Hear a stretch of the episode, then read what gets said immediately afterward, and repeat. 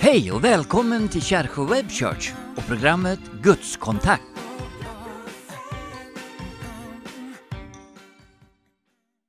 Hej och hjärtligt välkommen till Kärsjö Web Church och programmet Gudskontakt. I det välkomnandet så inkluderar vi också faktiskt flera som sänder det här i radio. Vi vet att en del sänder det som en podcast och det är vi väldigt glada för. Vi har faktiskt fått respons också från olika håll som använder sin radio till att sända våra program. Så vi säger tack till det. Och då vet du om att det är de här programmen som går i podcast på olika ställen. Vi tycker det är en förmån också att vi kan hänvisa till att man faktiskt kan prenumerera på en Youtube-kanal som vi har, Tältmissionen. Och då får man del av alla program och även annan information som du kanske vill ha. Och då får du det av oss, så bli gärna prenumerant. Vi vill också säga tack för ekonomiskt stöd som vi får. Tältmissionen har vi ju haft fokus på och vi har det också i nästan varje program.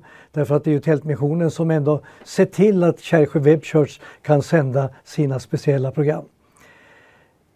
I veckans program så har vi glädjen att på nytt sätta fokus på temat Är Bibelns skapelseberättelse trovärdig och relevant?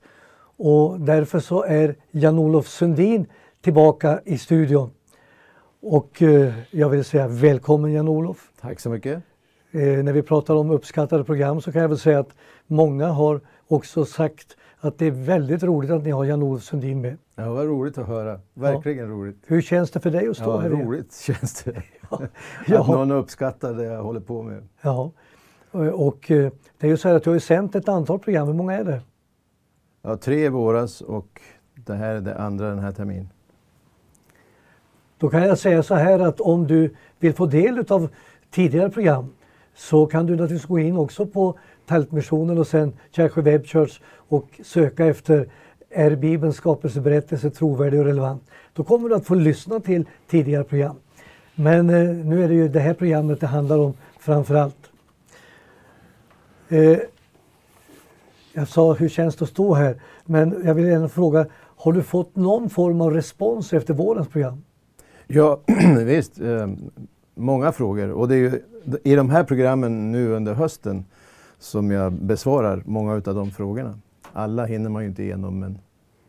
Fint. Så ja. nu kommer det här programmet att innehålla lite av svar? Ja, till stor del. Ja, vad stor del. Du, då ska vi låta dig få använda tiden och eh, jag lämnar frimodigt över till Jan-Olof ja, Sundin. Um, istället för en naturlig läsning av Bibelns skapelseberättelse i Första Mosebok så uppmuntras vi ju idag att läsa, ja framförallt symboliskt, att det är en symbolisk text. Och med naturlig läsning så menar jag att vi läser det som en berättelse om hur det gick till när Gud skapade himmel och jord. Att han gjorde det på sex dagar och vilade på en sjunde. Orsaken till det här det är ju att man vill anpassa Bibeln till en modern världsbild. Eh, och det är inget nytt. Det gjordes redan före Kristus, var det så. Eh, och för att kunna anpassa Bibelns text så behöver man angripa den. Och då måste man ju ha hypoteser, tankebyggnader om att det här ordet betyder si och det här betyder så utifrån att det är en symbolisk text. Och för att göra det så har man en tankebyggnad som vi kan kalla för kristen darwinism. Även om darwinism kan bli lite vilseledande därför att man har utvecklat det så att det, det är ju det har varit en evolution även där. Så numera heter man teistisk evolution. Och där menar man ju att Gud har skapat med evolution. Det blir ganska radikalt annorlunda då för gudsbilden, för Guds karaktär om vi placerar miljarder år i skapelseberättelsen. Därför att då får vi den effekten att när, när Gud säger om det han har skapat att det var väldigt gott, då säger han ju det utifrån miljarder års evolution och miljoner år av blodspillan, död, sjukdom och lidande. Och där får vi då en helt annan Guds karaktär än vad Bibeln ger oss budskap om eh, vi får en, en Guds karaktär som är distanserad, som sätter igång alltihopa men överlämnar det till slumpen och evolutionen. Och slumpen kräver tid och därför måste man ju försöka få in mycket tid i skapelseberättelsen. Um, en annan sån här tankebyggnad, den heter The Gap Theory. Uh, mellanrum och avstånd. Och där ger man sig på övergången från vers 1 som lyder I begynnelsen skapade Gud himmel och jord. Och så vers 2 Och jorden var öde och tom. Men då menar man att här emellan gjorde Satan uppror och ödelade det Gud hade skapat perfekt i vers 1. Varför det inte ska stå och jorden var öde och tom, utan det ska stå och jorden blev öde och tom. Att det, i våra biblar, om du tittar efter, så står det förmodligen jorden eh, var öde och tom. Och det beror på grammatik.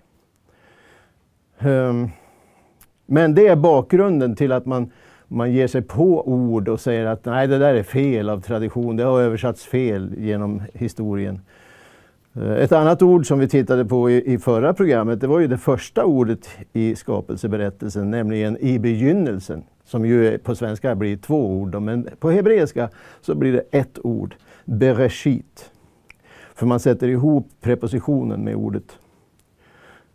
Och då såg vi ju i förra programmet något som är så fascinerande med de eh, hebreiska bokstäverna. De har egna koncept och på ett sätt berättelser. Så att när man ser på bokstäverna som utgör ordet Bereshit så är de samtidigt en sammanfattad berättelse av Bibelns hela berättelse, inklusive Nya testamentets Kristus på korset. Men det här ordet vill man då göra om till att betyda i en begynnelse, inte i begynnelsen. Men samma sak är ju här, att det står i begynnelsen med eh, absolut bestämd artikel. Det beror ju på grammatik. Att man ser det som en konstruktionskedja och att ordet Gud, Elohim, som används där i skapelseberättelsen på hebreiska. Elohim är ju ett namn, ett eget substantiv. Och då får vi en bestämd artikel. Så det ska vara, grammatiskt sett, så ska det vara i begynnelsen. Men man vill gärna ha det till en begynnelse antydande att det har varit många begynnelser. Alltså, vi får plats med lång tid i skapelseberättelsen. Men kanske utifrån alla frågor jag har fått så är ordet dag, eller det ord vi översätter till dag, jom på hebreiska, eh, det mest intressanta för er som tittar och lyssnar. Eh, och visst är det så att det ordet kan översättas som tidsperiod. I min farfars dagar eller eh, på min morfars tid. Men av de 2000 tillfällen, som, mer än 2000, som ordet används Eh, så är det faktiskt så att det är ungefär ja, drygt 60 tillfällen. Håll mig inte för hårt på den siffran, men någonstans där. Ehm, så framgår det av sammanhanget alldeles tydligt att här är det fråga om tidsperiod. Men att det rör sig om något annat än 24 timmar här i skapelseberättelsen, det står ju bortom allt tvivel då Gud har formulerat sig tydligare här än, eh, jag törs kanske säga, de på något annat ställe i samma, med det här sammanhanget att det är 24 timmar. Därför att han formulerar sig. Det blev afton, det blev morgon den första dagen. Det blev afton, det blev morgon den andra dagen, det blev afton, det blev morgon den tredje dagen och så vidare. Men jag tror, för min personliga del, så blir det absolut starkaste ehm, det är när vi tittar på, när vi låter skrift förklara skrift. Och vi tror ju på ett dubbelt författarskap, som man brukar säga. Ehm, nämligen att det är Gud som är författaren. Och Gud har inspirerat människor att skriva. Men trots det så finns det ett ställe nämligen på Sinai berg när Gud lämnar över instruktionen, Torah, eller lagen som vi översätter det till, på stentavlor står det att Gud har skrivit med sitt eget finger. Och där Gud har skrivit med sitt eget finger, där säger Gud eh, att han skapade på sex dagar och vilade på sjunde dagen. Därför ska inte du och jag heller utföra några sysslor på den dagen, utan helga sabbaten. För mig så är det, där är det slut på argumentation. Det är svart på vitt. Eh, och där tycker jag det är så bra att man låter skrift förklara skrift. Men som sagt, bakgrunden till det här är ju ateismen och en modern världsbild. Eh, och vi vill försöka anpassa Bibeln till någonting som vi har blivit indoktrinerade med att evolutionen är vetenskapligt bevisad, vilket den inte är. Paulus skriver i Romarbrevet, första kapitlet, vers 21, så skriver Paulus Trots att människorna kände till Gud och så vidare. När var det? Det var ju inte då när Paulus skrev det. Men däremot var det så när Adam och Eva fanns. De utgjorde mänskligheten och de kände till Gud. Men de gjorde uppror mot Gud och ställde sig på ormens sida mot Gud. Deras son Kain slog ihjäl sin bror Abel. Och det står att Gud hade ett samtal, personligt samtal med Kain. Varefter Kain gick bort ifrån Gud. Och den civilisation som Kain la grunden till, syndig och ogudaktigt och våldsamt, var ju också orsaken till syndafloden längre fram i historien. Ehm, men de fick en son till som heter Seth. Som Eva utbrast och sa att jag har fått honom istället för den son som Kain slog ihjäl för mig. Och Sets släktlinje, det blev en gudfruktig släktlinje, i alla fall om vi generaliserar. Och de förde den sanna kunskapen om Gud vidare. Och Noa kommer ifrån Set, den linjen. Och när Noa och hans tre söner med deras respektive fruar stiger av arken så är det de som utgör mänskligheten. Och de känner till Gud. Så det här är andra tillfället när människorna kände till Gud. Ham, den andra sonen, Sem, Ham och Jafet. När Ham syndar på en gång så drar han en förbannelse över sin son Kanan. Um, men han hade en son till också som hette Kors. Och Kush, han fick en son som hette Nimrod. Och Nimrod, han anförde det stora upproret mot Gud vid Babels torn. Varvid mänskligheten sprids ut över världen. Eh, språk uppstår, bildas. Ehm, religioner eh, bildas. Nationer, glömde jag kanske säga. Nationer, språk och religioner och religioner med mångguderi, panteism och ateismen frodas.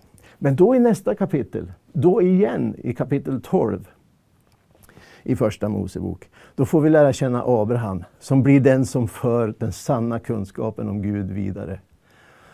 Eh, visst är det alldeles fantastiskt, än en gång. Eh, och den folkgruppen som Abraham blir stamfader till då, det blir ju då Abraham, Isak och Jakob. Jakob får ett nytt namn, Israel.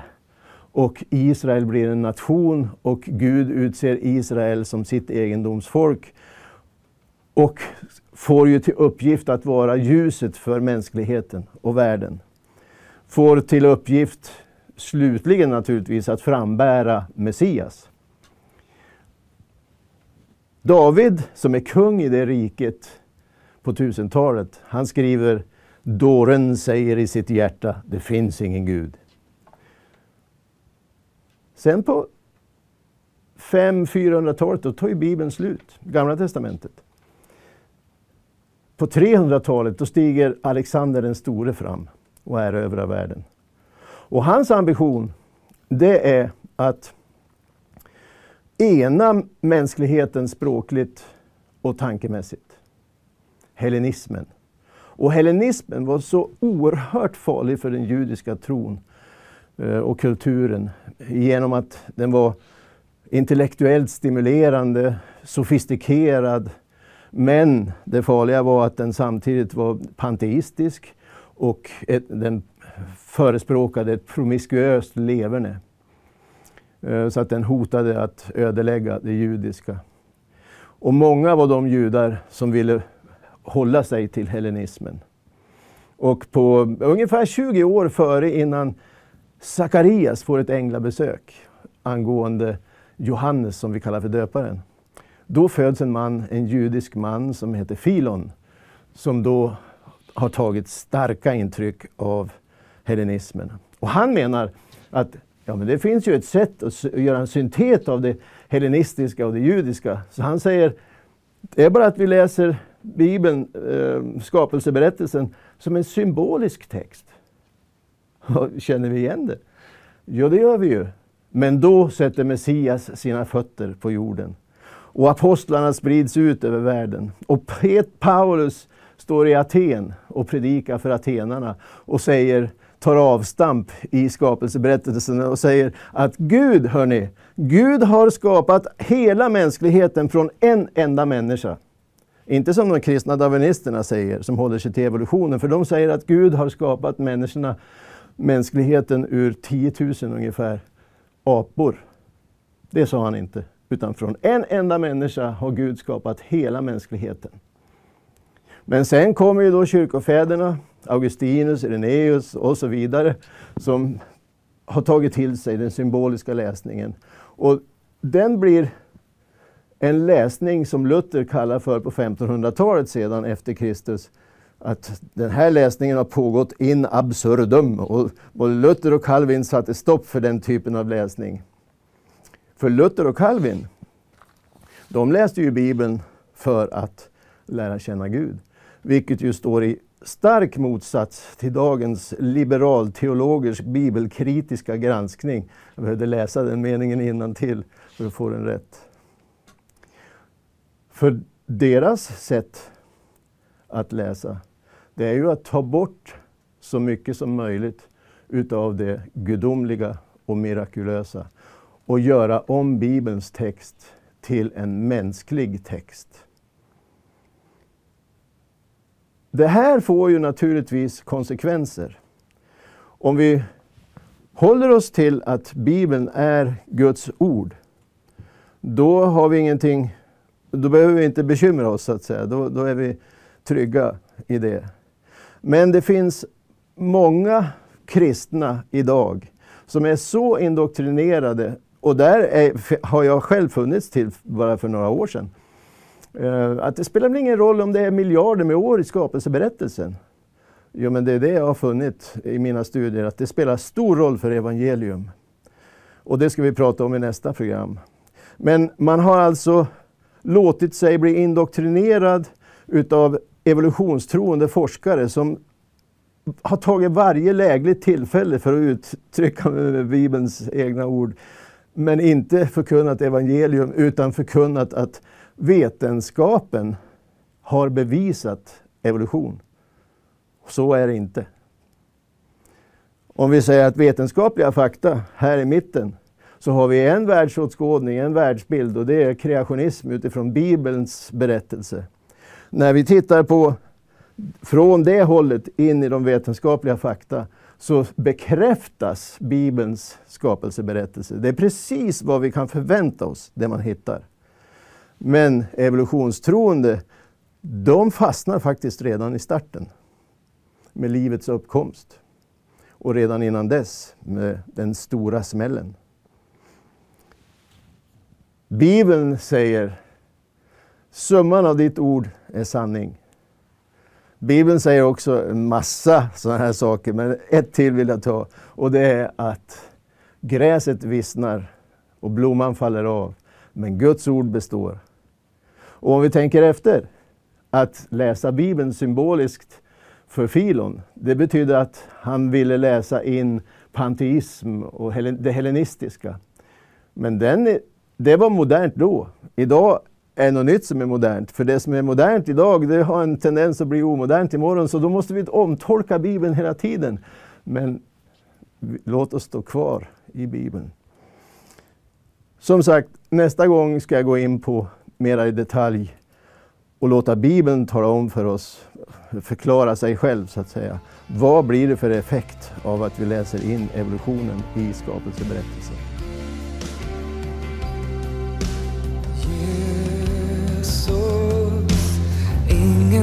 som du Jesus mitt ibland oss nu. Jesus vår uppståndne kung vi upphöjer ditt namn. Vi ger dig all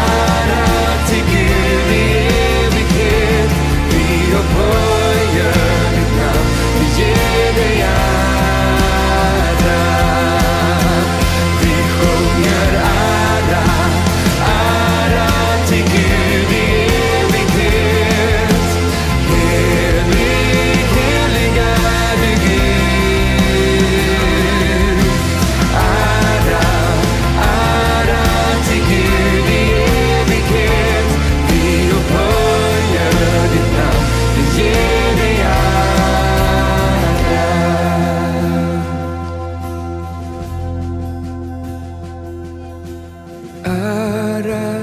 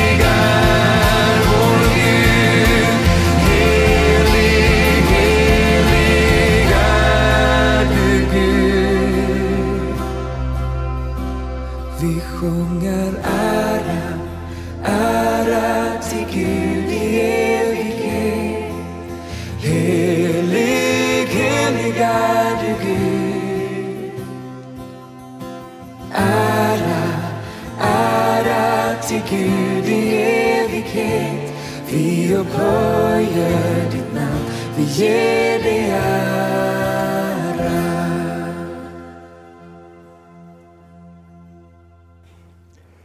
Fantastiskt intressant att sitta ner och lyssna på dig Jan-Olof. Vad roligt att höra att du tycker det. Ja, jag är säker på att hade vi varit i ett forum med massa människor så hade du fått en våldsam applåd. Ja, vad kul. Ja. Vad roligt. Och sen eh, påannonserade du att det kommer ytterligare ett program. Ja, det gör det.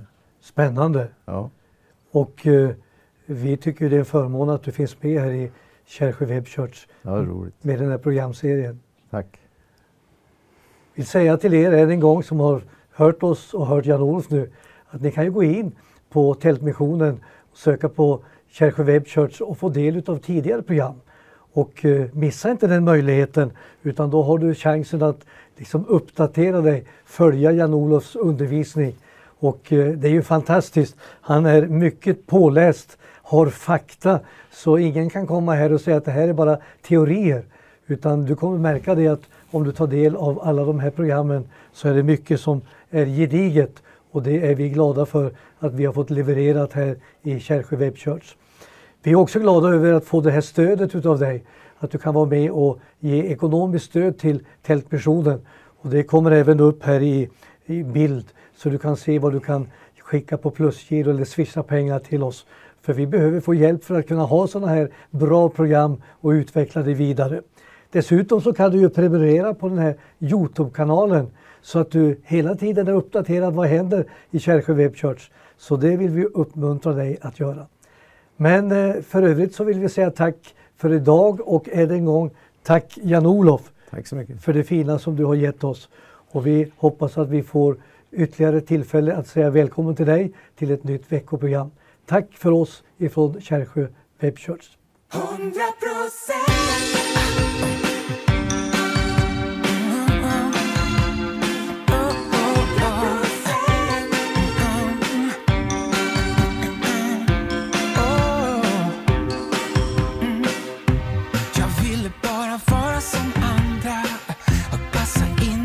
mallen klar Vanessa.